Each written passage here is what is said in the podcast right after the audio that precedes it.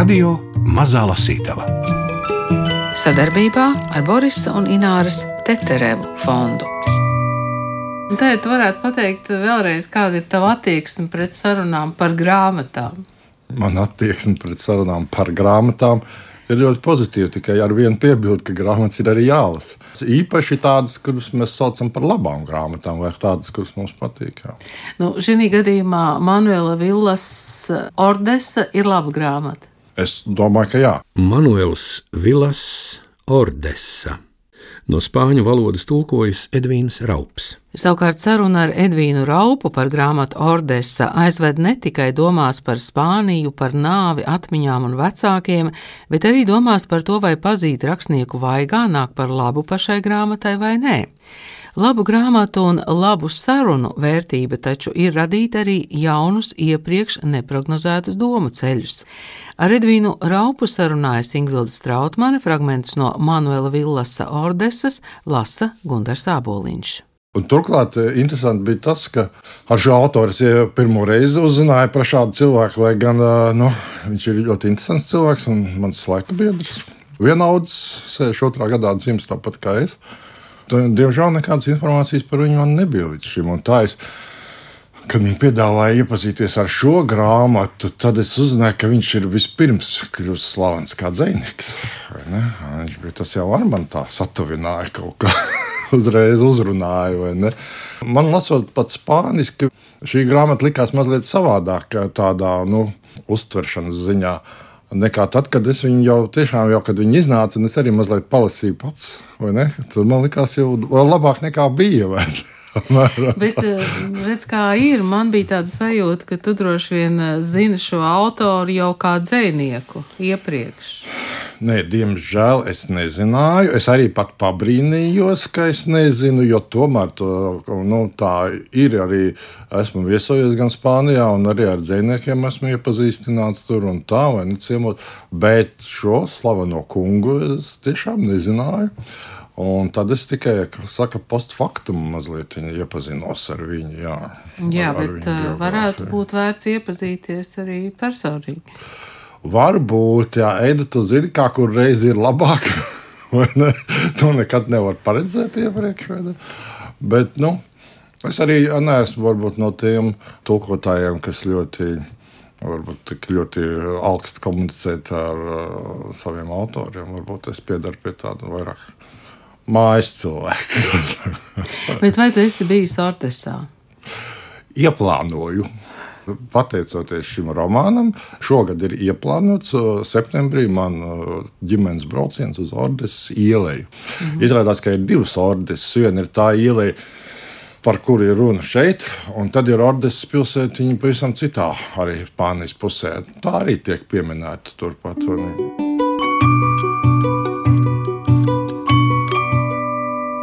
Arī es esmu nonācis tik tālu. Stūrī uz kāda sēžamā, klubkrēsla vai dīvāna, piespiedies pie roku balstiem, it kā tie būtu kāda pāļu sēta. Dīvāns iepratim televizoram un televizorā tu uzzini, kā dzīvo citi, tie cilvēki, kas likmi bija izdarījuši par labu kustībai, aktivitātei. Tie bija cilvēki, kas maina pasauli. Vismaz viņi mēģina to darīt, uzstājas televīzijā, Manuprāt, tēvs neapskauda cilvēkus, kurus redzēja televīzijā. Manuprāt, viņš nealka pēc viņu dzīves, vai darba, vai popularitātes. Viņš bija dezertējis no alkatīgo kluba. Es arī vēlos dezertēt. Tēvs skatījās uz šiem ļaudīm ar ziņkāri, it kā viss televīzijā rādītais ļautu izsvītrot briesmīgus notikumus paša dzīvē. Viņš bija dezertieris. Tēvs bija dezertieris. Pēdējos dzīves gados viņš apcerēja savu dezertēšanu un mēģināja izdibināt, no kurienes bija dezertējis. Tagad tas pats notiek ar mani. Es nesaprotu, no kurienes esmu dezertējis. Visi Kafkas darbi runā par to pašu, no kurienes es esmu dezertējis, no kurienes aizbēdzis un uz kurieni tagad dodos. Viņš ar televizoru palīdzību mēģināja izdibināt, no kurienes bija dezertējis. Tēvs uzskatīja, ka cilvēki, kas uzstājas televīzijā, nav dezertieri. Ja viņš izdibinātu, kam viņi kalpo, varbūt galu galā uzzinātu, kā radusies viņa dezertēšana. Viņš sēdēja uz vakts, acīgi vēroja un grūti pūlējās saskatīt televīzijā kādu vēsti. Viņš raudzījās uz televizoru kā mācītājs uz altāri un saskatīja, cik vēlnišķīgi sarežģīta ir dzīve televīzijā. Viņš televīzijā redzēja pasaules aptumšošanos. Dažkārt savā raniljasas vientulībā agrās rīta stundās nojaušu, ka televizora ekrānā tūlīt parādīsies tēvs. 21 collas LG ekrānā, mazā un lētā televizorā, ka ieraudzīšu tēva vecišķumu, ka viņš mani uzrunās no ekrāna, zaļā halātā, brillēs, dīvāna stūrī, aizņemot vismazāko vietu, prom esošs. Kad tēvs skatījās televīziju, viņš neko nedzirdēja. Viņš nedzirdēja mūs, nedzirdēja arī to, ko stāsta televīzijā. Es neuzzināju, ko viņš dzird. Ko viņš dzirdēja, ja nedzirdēja ne mūsu, ne cilvēkus, kas uzstājās televīzijā?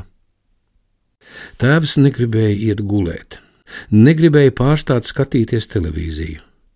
Ja viņš redzēja televīziju, tad dzīve turpinājās. Man patīk skatīties televīziju, sēžot viņam līdzās. Mēs skatījāmies kopā televīziju vairāk nekā 40 gadus. Tas ir pats labākais, ko darīt kopā ar mīļoto cilvēku - skatīties televīziju. Tas ir tāpat kā skatīties uz visu pasauli. Dzīve mums ir dāvājusi iespēju vērot visu pasauli televizorā.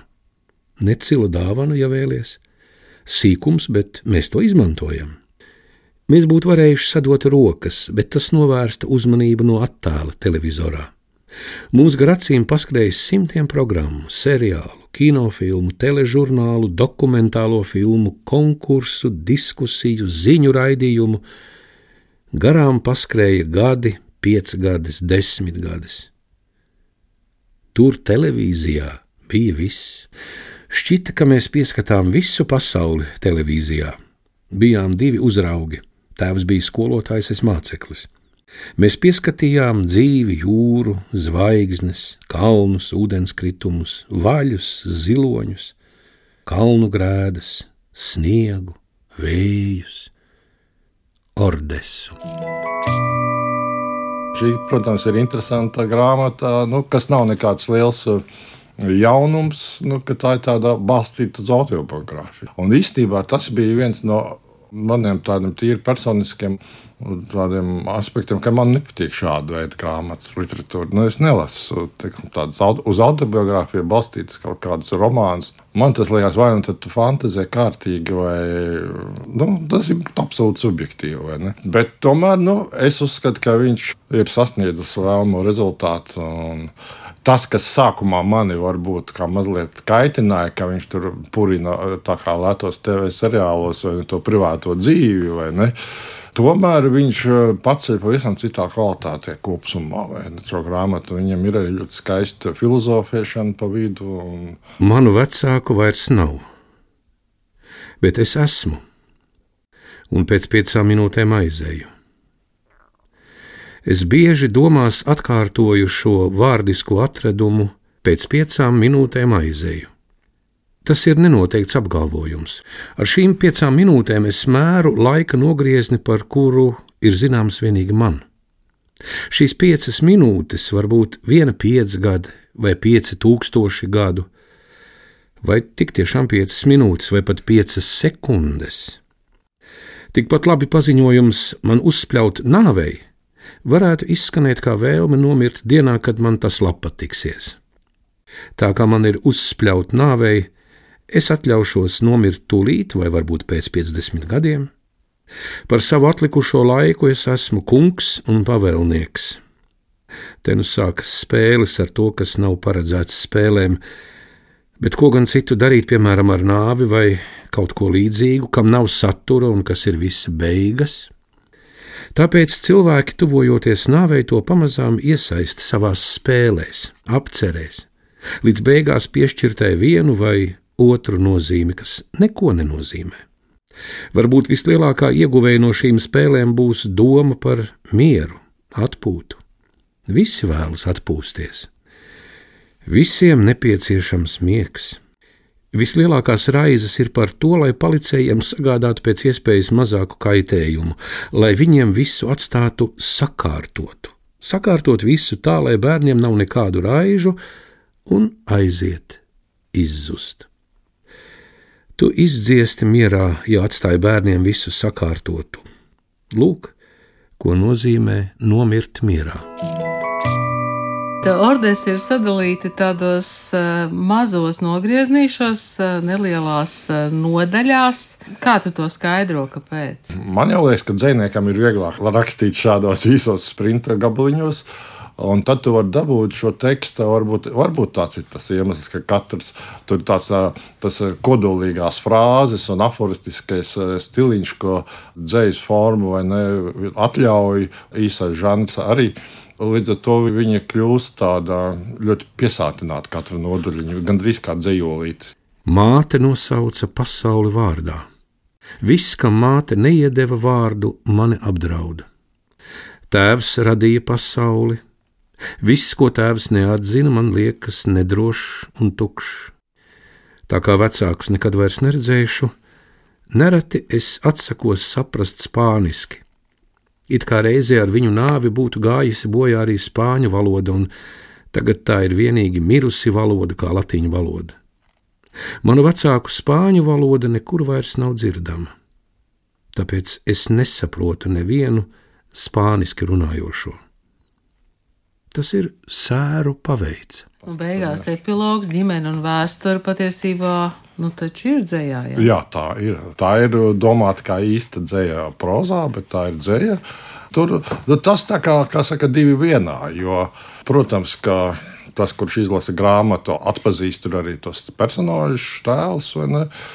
Bet tā ir tomēr pilnīgi mazliet jau nu, saurupāk, vairāk jau tāds, nu, kā jau dzējā pienāks tāds izjūta fantāzija lidojums lielāks. Ja pavisam vienkārši par ko ir grāmata? Par dzīvi. Kā Īstenībā par, ja? jā, es par teiktu, nu, tie, kas ir dzimuši 60. gados, ne, nu, tās problēmas aktuāls kaut arī nav tik daudz par politiku šī grāmata, vairāk ir. Lai gan tiek skartas arī šādas tēmas, kas ir jautrāk, kur ir dzīvot kapitālismā vai sociālismā, vai ne, un kāpēc tas kapitālisms ir tik briesmīgs, dažiem liekas. Tajā pašā laikā viņš arī nav pārāk lielā sajūsmā autors vai tēls, kas ir šajā grāmatā. Savukārt viņš nenoliedz, ka tikai pateicoties kapitālismam viņš sēž savā mājā un brauc ar savu mašīnu. Manuprāt, ka, nu, politika ir vispār tāda lieta, kas stāv diezgan tālu no dzīves. es teiktu, tā, no tās dzīves, kurai ir jādzīvo. Es kaut kur izlasīju, ka Ordesa ir grāmata kā pēcnāves vēstule kuru Vilnis ir uzrakstījis vecākiem.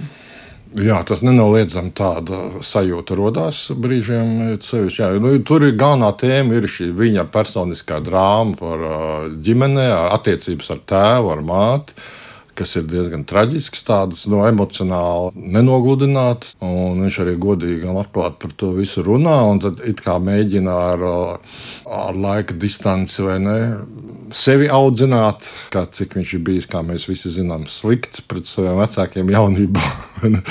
un, bet viņam tas izdodas. Tiešām es varu atkārtoties, ka viņam tas izdodas ļoti augstā arī mākslinieckā līmenī. Viņš mēģina nolīdzināt kaut kādā veidā tās attiecības caur rakstīšanu, vai, vai nē? Nu, tomēr jau nē.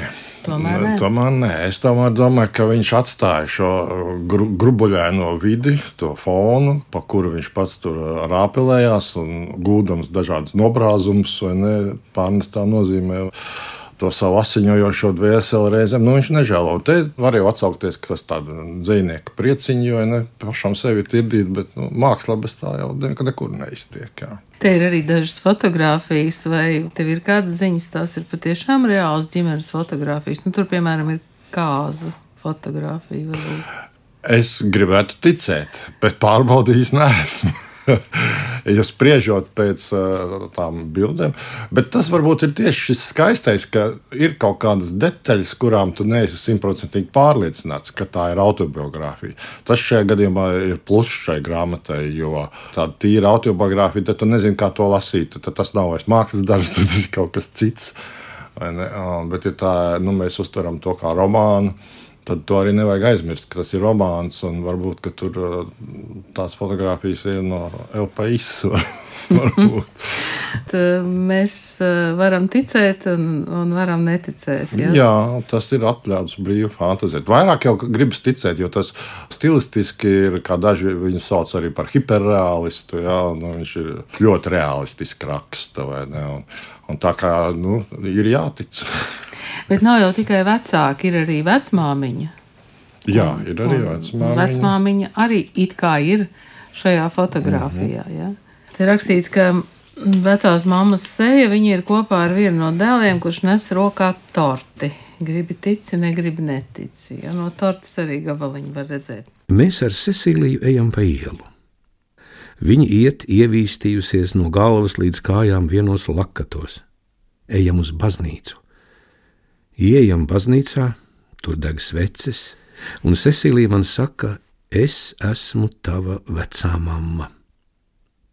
Es gribu atcerēties, ka viņa man tā teica, bet īstenībā viņa neko neteica, ne pušplēstu zilbi.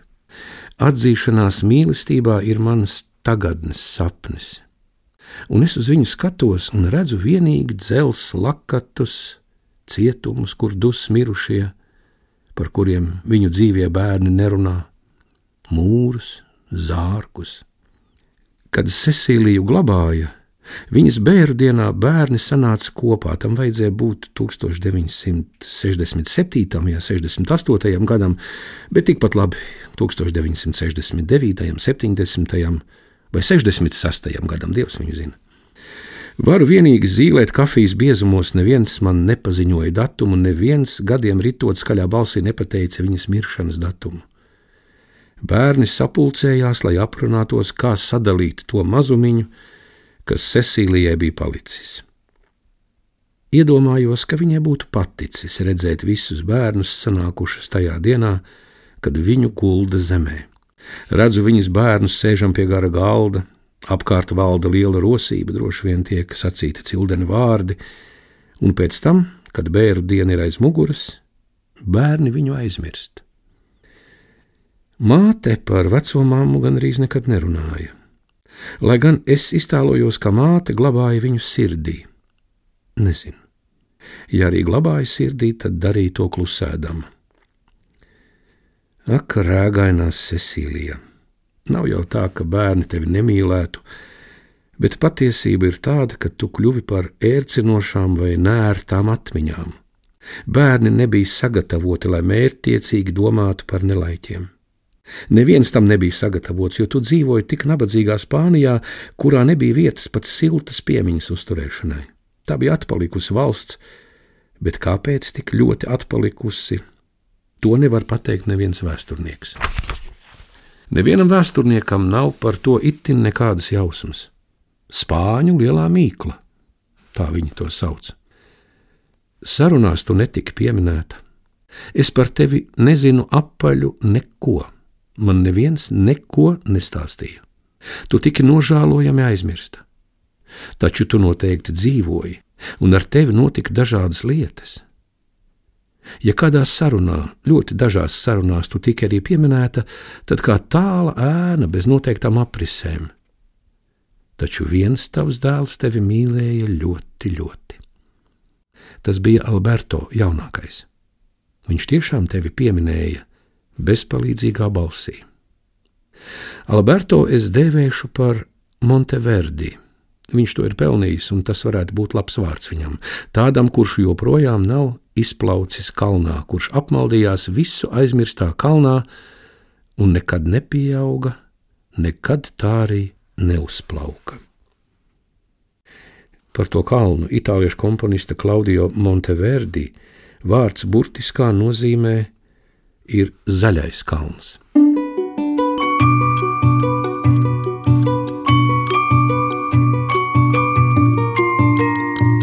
Radio Mazā lasītava. Tā Spānijas vide, Spānijas attieksme pret ģimeni, Spānijas attieksme pret reliģiju. Tas arī šeit parādās. Ir, ir, ir un arī caur šo ļoti personisko prizmu, vai ne? Un, un tas arī ir simpātisks šajā, šajā gadījumā noteikti, ka viņš eh, pieskarās nu, spāņiem neizbēgams tēmas, ir Franko režīms ne, un karaļa pāra dzīve, kas viņiem arī ļoti svarīga pašiem un reliģija bez šaubām. Eh, un šīs tēmas tiek arī caur ļoti privātu, un līdz ar to ļoti interesantu rakursu apskatīt. Tur viņš salīdzina dažādas režīmus savā prātā, vai ne, un spriedelē pa dzīvi.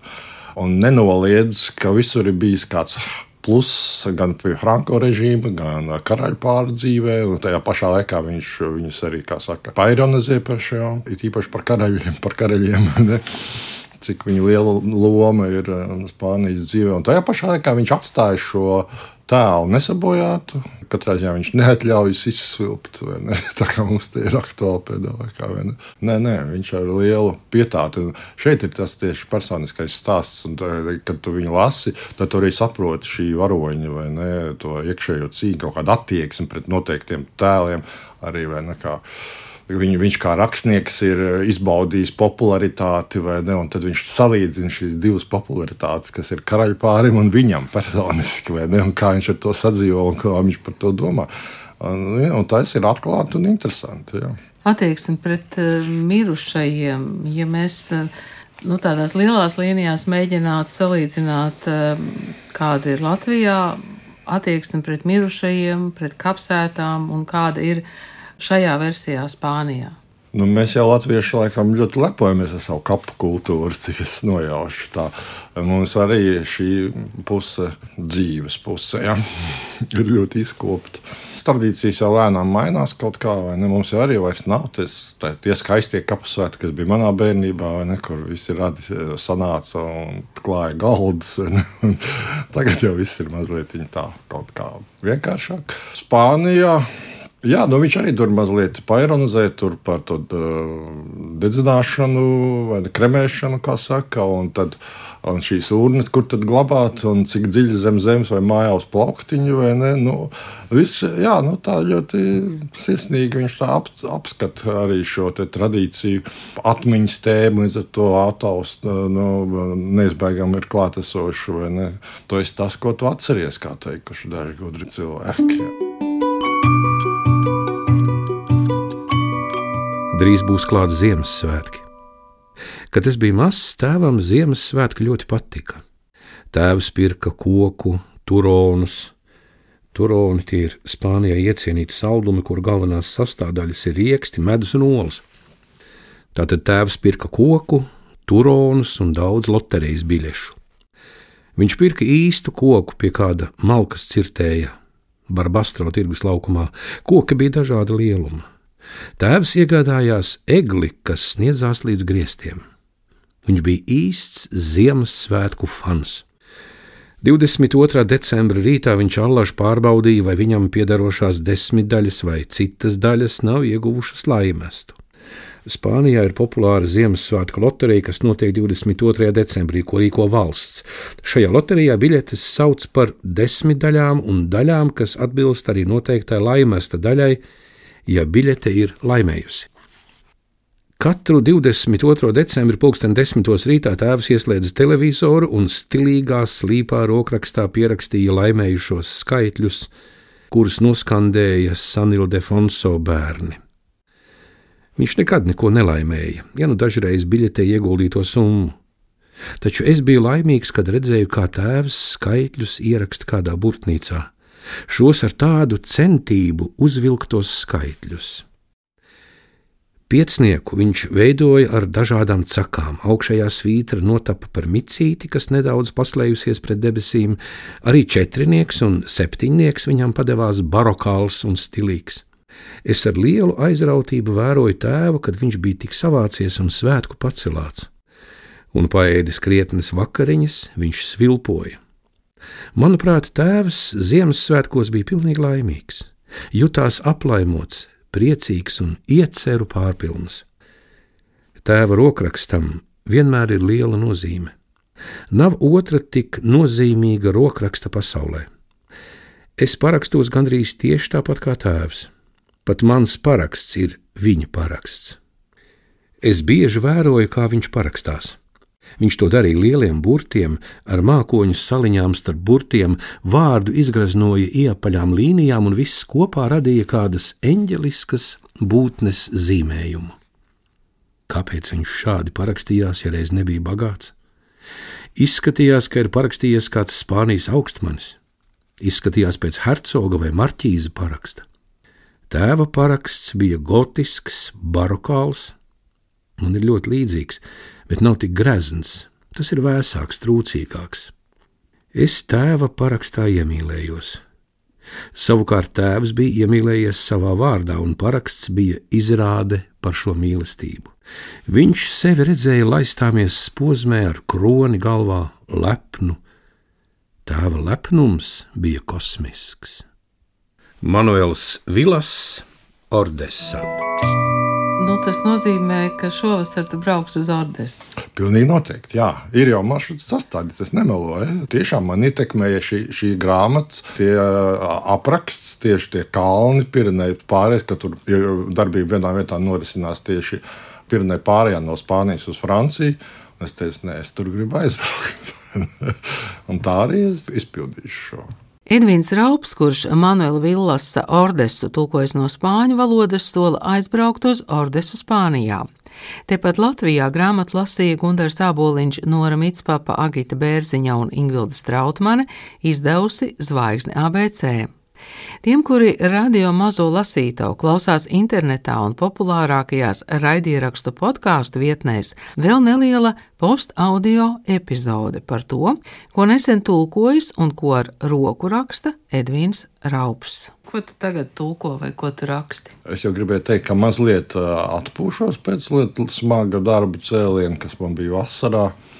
Un rudenī es tulkoju pa jaunam, adaptētu versiju Ibsena brandam, par ko jau drīkst runāt, jo ir jau repertuārā iekļauts Dāles teātrī, viesturkā Iriša režijā būs. Un tas man bija ļoti liels un nogurdinošs process, jo es būros cauri ar vārnīcām, norvēģu valodai.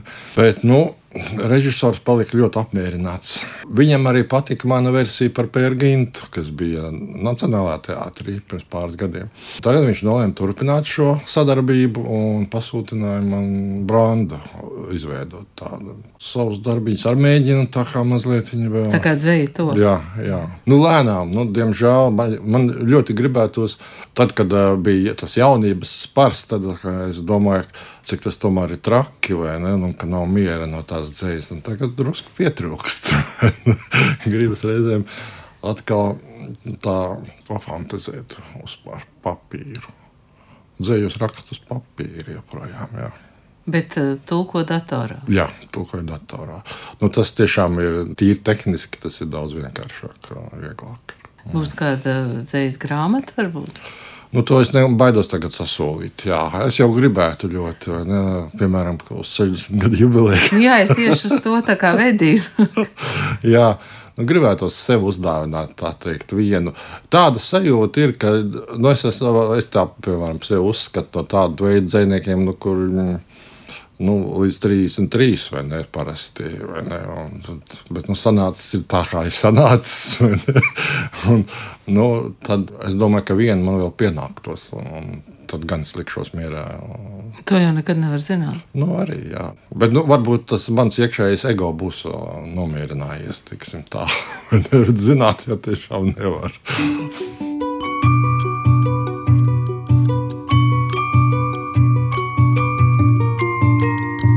Radio Mazā Lasītava sadarbībā ar Borisa un Ināras Teterevu fondu.